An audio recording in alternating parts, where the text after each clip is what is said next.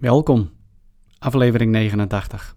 Het heeft even geduurd voordat ik deze aflevering ging maken. En dat heeft allerlei verschillende redenen gehad. Ik hield me vooral uh, bezig, zeg maar, in de zaken wat anders doen binnen mijn business. Bepaalde werkzaamheden af te maken. En mijn aandacht was ook op andere, ja, bij andere dingen nodig. En zo kan het gebeuren dat je dan ook een hele tijd eventjes geen podcast uh, maakt. Um, nou, dat is niet helemaal waar. Ik heb wel een aantal podcast-afleveringen gemaakt, maar dan niet zeg maar onder mijn eigen account. Maar met een uh, goede maat van me, Pieter, waar ik elke week uh, mee spar. We hebben een aantal afleveringen gemaakt samen.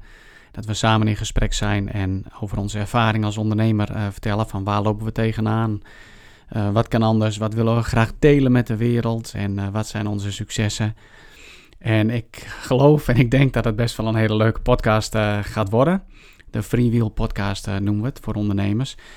Dus um, ik denk, nou in ieder geval voor de kerst uh, zal deze ook gelanceerd worden. Dus ja, ik ben met van allerlei dingen bezig geweest. En iets wat mij, iets wat mij de laatste tijd gewoon veel opvalt en wat ik hoor en wat ik zie is dat er best wel veel spanning is hè, in de maatschappij. Spanning is in mensen hun levens en um, spanningen in ondernemingen. En weet je waar ik zo ook gigantisch van baal, is het feit van de nieuws en de berichtgeving over van ja, er komt weer een crisis aan.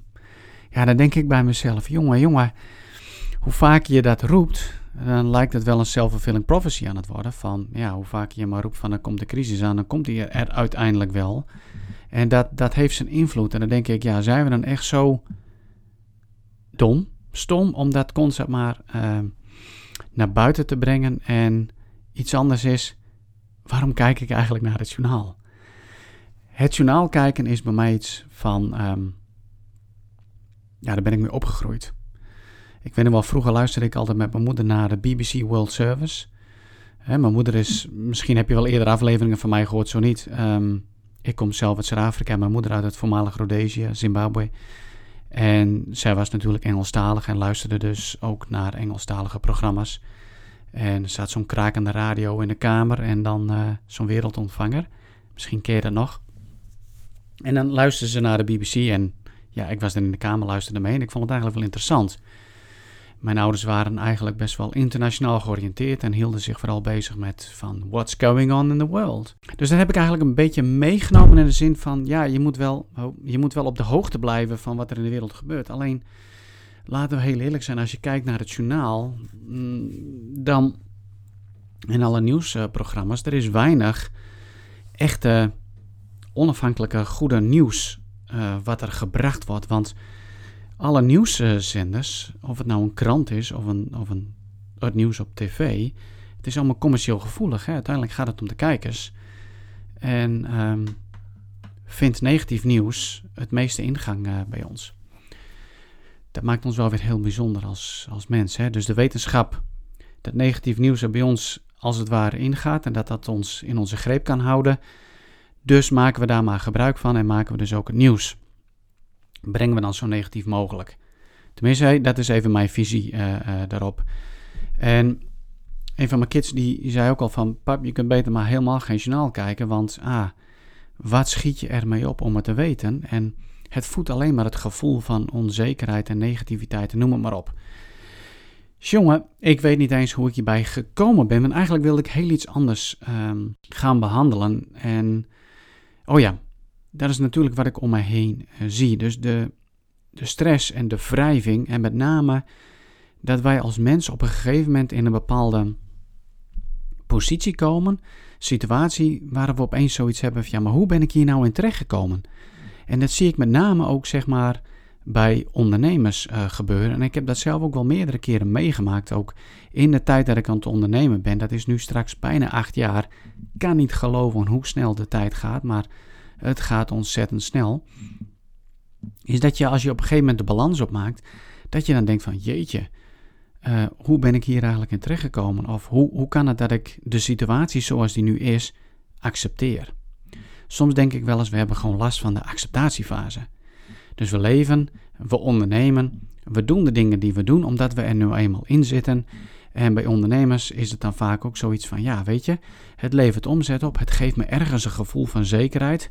Maar ja, wat is die zekerheid? En het zorgt voor een status quo. En ik geloof echt waar dat een status quo, zowel in het leven als in het ondernemen, gewoon achteruitgang is. De laatste tijd ben ik ook bezig met een, uh, met een Facebook-campagne. Uh, en dat gaat met name ook over mijn, mijn jaarprogramma Rise Mastermind.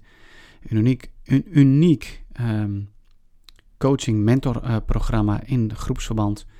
Waarbij je zeg maar echt een soul-based business gaat creëren. Dus een, een, een onderneming die echt van binnenuit komt en die jouw manier van leven ondersteunt.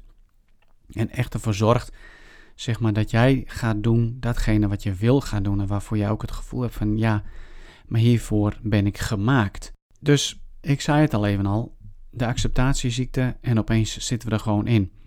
En het heeft ook deels te maken met de drukte waarin we leven. En dat we eigenlijk geen tijd meer nemen om ook gewoon echt stil te zijn en na te denken. En onszelf de vragen te stellen van, ja maar wacht eens even, is dit wel wat ik wil? Is dit een overeenstemming met waarom ik ooit ben begonnen met ondernemen?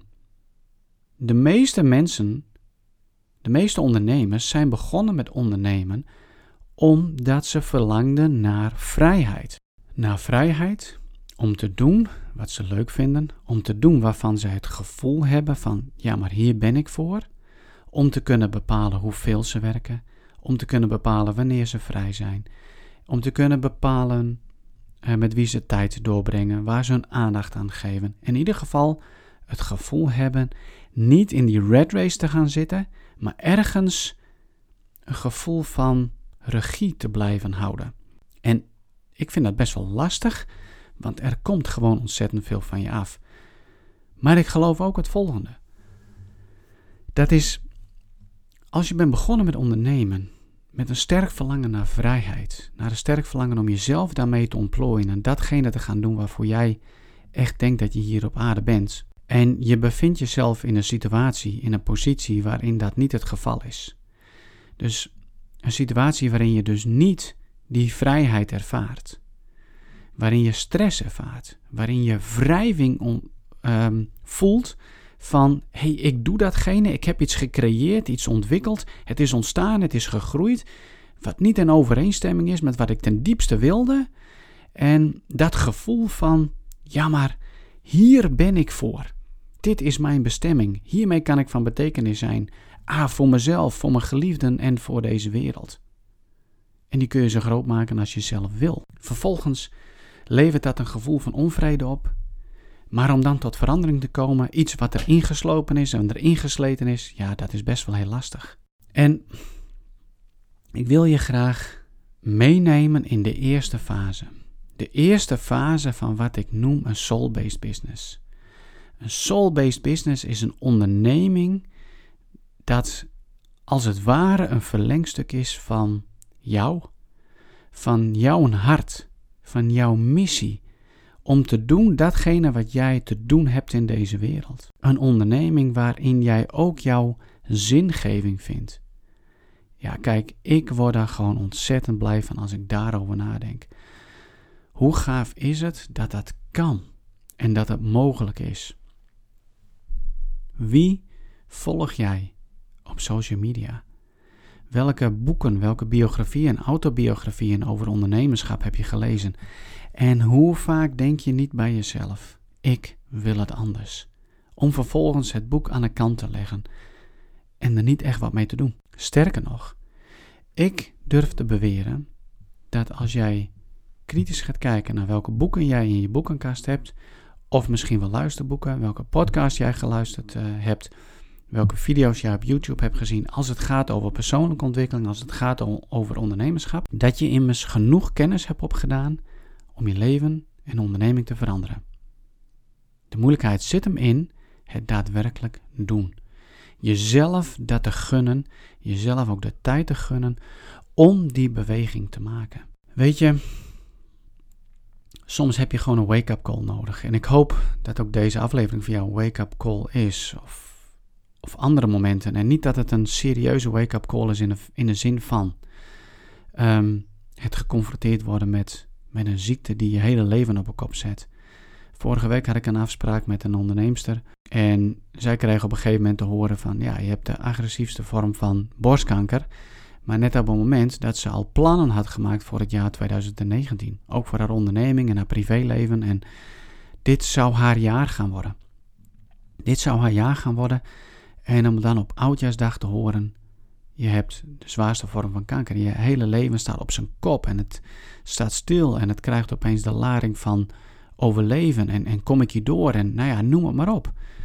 Een enorm um, heftig iets. Voor sommigen kan dat een mega wake-up call zijn om daarmee in één keer hun leven ook op een kop te gooien en, en te zeggen van ja, maar ik ga niet meer mijn tijd verspillen door altijd maar die status quo te accepteren. Ik ga gewoon weer terug naar waar ik hiervoor ben. Ik ga terug naar mijn droom, naar mijn missie in deze leven. En het kan best zijn dat je daar helemaal niks mee hebt. Dat kan. Dan is deze aflevering, deze podcastaflevering en, en al datgene wat ik breng niet voor jou. En daar is niks mis mee als dat jouw keuze is.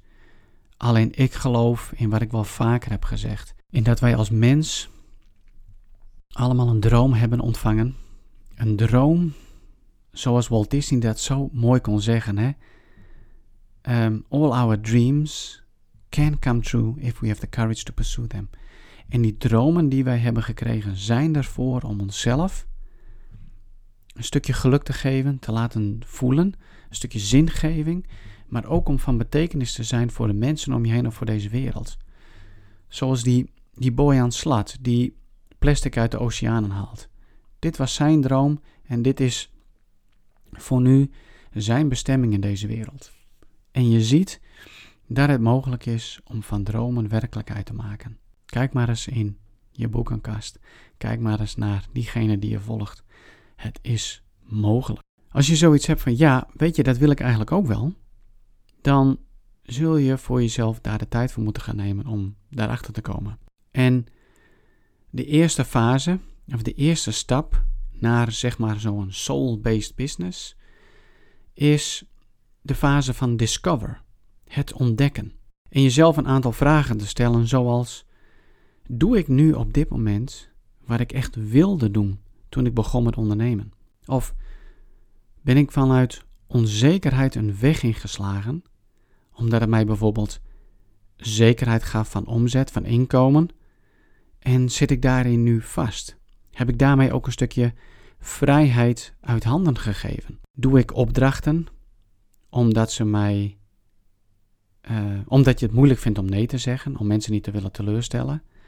Eigenlijk omdat je jezelf niet het allerbeste gunt. En wat dacht je van de vraag om gewoon te stellen aan jezelf: maar hoe ben ik hier nu eigenlijk gekomen? Wat zijn daarvan, zeg maar, mijn redenen geweest? Kijk, ik schrijf regelmatig in mijn dagboek. En als ik belangrijke beslissingen heb genomen, die best wel impact hebben in mijn leven en onderneming, dan schrijf ik alle redenen op. En die schrijf ik in een brief aan mijzelf. En ik schrijf al, de, al mijn motivatie op, mijn redenen, waarom ik een bepaald besluit heb genomen. En ik kan er altijd weer naar terugkeren. En dan kan ik heel makkelijk de vragen beantwoorden als ik terug wil kijken van en, en hoe ben ik hier nu eigenlijk terechtgekomen naar wat ik toen heb opgeschreven. Want misschien wil ik nu wel wat anders. Is wat jij nu doet met jouw onderneming, is dat voor jou ook gewoon leuk om te doen? En past het bij je Zone of Genius? Jouw Zone of Genius is een onderwerp waardoor ik moet even spieken naar waar ik dat boekje heb. Ik pak hem er even bij. Ik heb er wel eerder een podcast, geloof ik, over gemaakt van Gay Hendricks, The Big Leap. Daar heeft hij het onder andere ook over, de Zone of Genius. We hebben verschillende zones waar we in werken, waarin we leven. De Zone of Uncompetence, de Zone of Competence, de Zone of Excellence en de Zone of Genius. En die Zone of Genius is is dat niveau waarin je werkt, zeg maar, waarin je onderneemt en waarbij jij het gevoel hebt, dit gaat als vanzelf.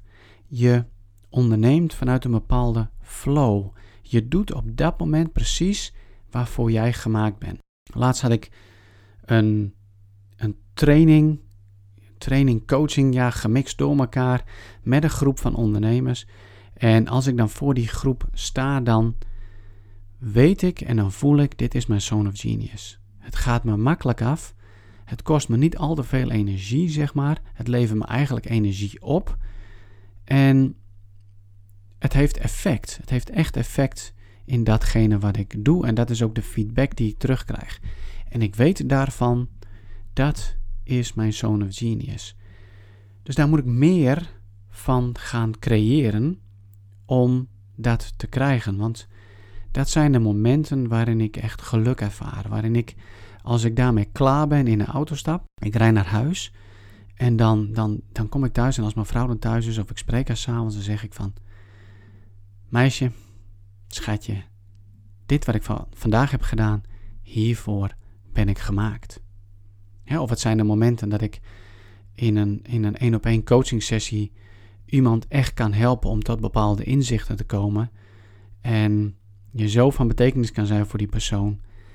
Ja, dat die ander zeg maar antwoorden krijgt op uh, bepaalde zaken of inzichten. En dan kom ik thuis en dan denk ik, yes, dit is waarvoor ik gemaakt ben. Dan weet ik bij mezelf, dit is mijn zone of genius.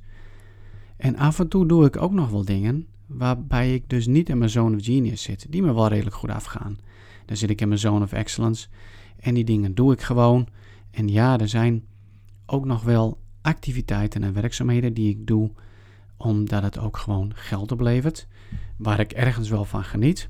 Ik kan het ook wel, maar dan is het niet zo dat als ik in de auto zit en naar huis rijd, zeg van jippie hiervoor ben ik gemaakt en dit geeft me nou zo'n uh, vol, gevoel van voldoening, zeg maar. En hoe is dat bij jou? Je bent begonnen om vrijheid te ervaren met je onderneming. Het leven zo in te richten zoals jij het wil. Je hebt eigenlijk al stiekem uh, gedroomd over: ik ga zoveel geld verdienen.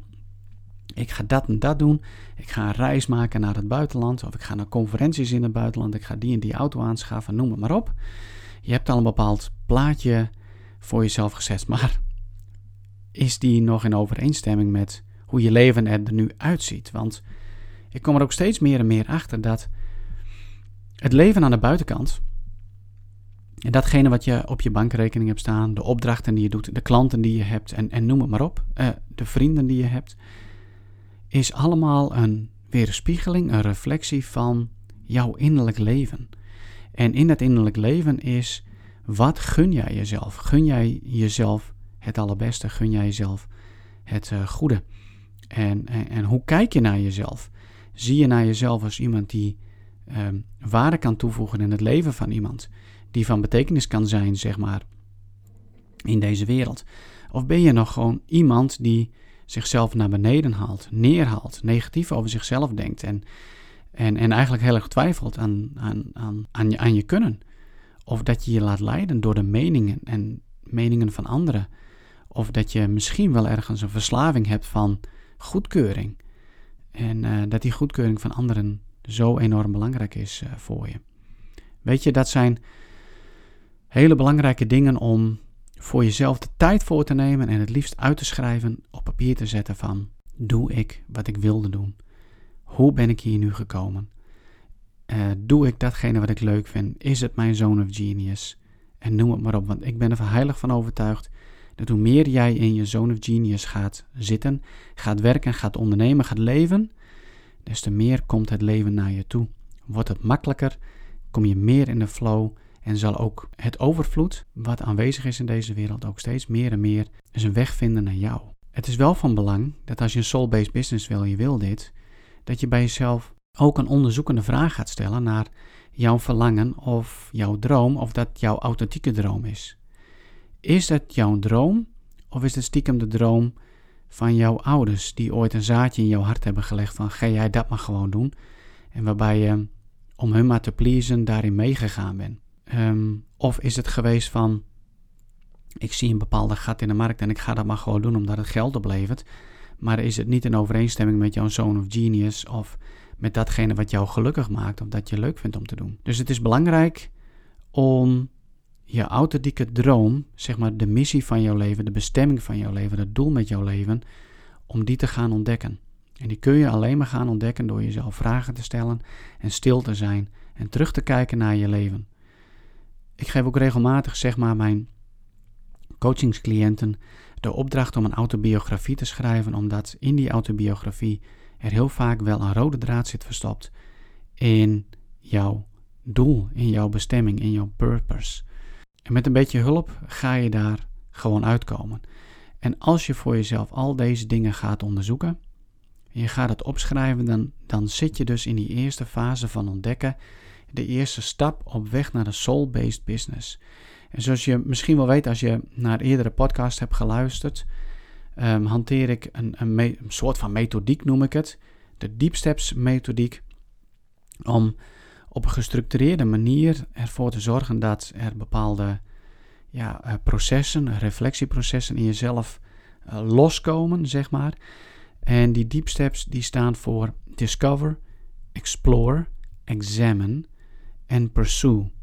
En dat zijn allerlei verschillende fasen. Als je naar mijn website gaat, williammeister.nl, naar blog, dan zie je, zul je zien dat daar een blog staat van hoe creëer ik nou een onderneming in overeenstemming met wie ik ben.